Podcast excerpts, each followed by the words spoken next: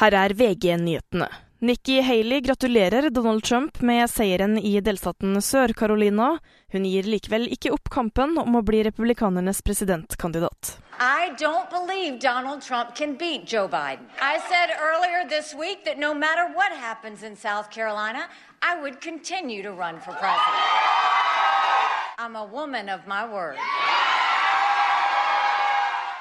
Amerikanske og britiske styrker har gjennomført angrep mot 18 Houthi-mål i Jemen, opplyser det amerikanske forsvarsdepartementet. Angrepene omfattet underjordiske våpenlageranlegg, droner, luftforsvarssystemer, radarer og et helikopter, står det i en uttalelse fra Pentagon. En bil krasjet i en taxi etter en biljakt med politiet i Kristiansand i natt. Sjåføren hadde nektet å stanse for politiet i en kontroll. De involverte ble undersøkt av helsepersonell, men framsto ikke skadet. Filmen 'Oppenheimer' er tildelt prisen for beste skuespillerensemble på Screen Actors Guilt-utdelingen i Los Angeles. Dette er den gjeveste SAG-prisen. I studio Miriam Alsvik, nyhetene får du alltid på VG.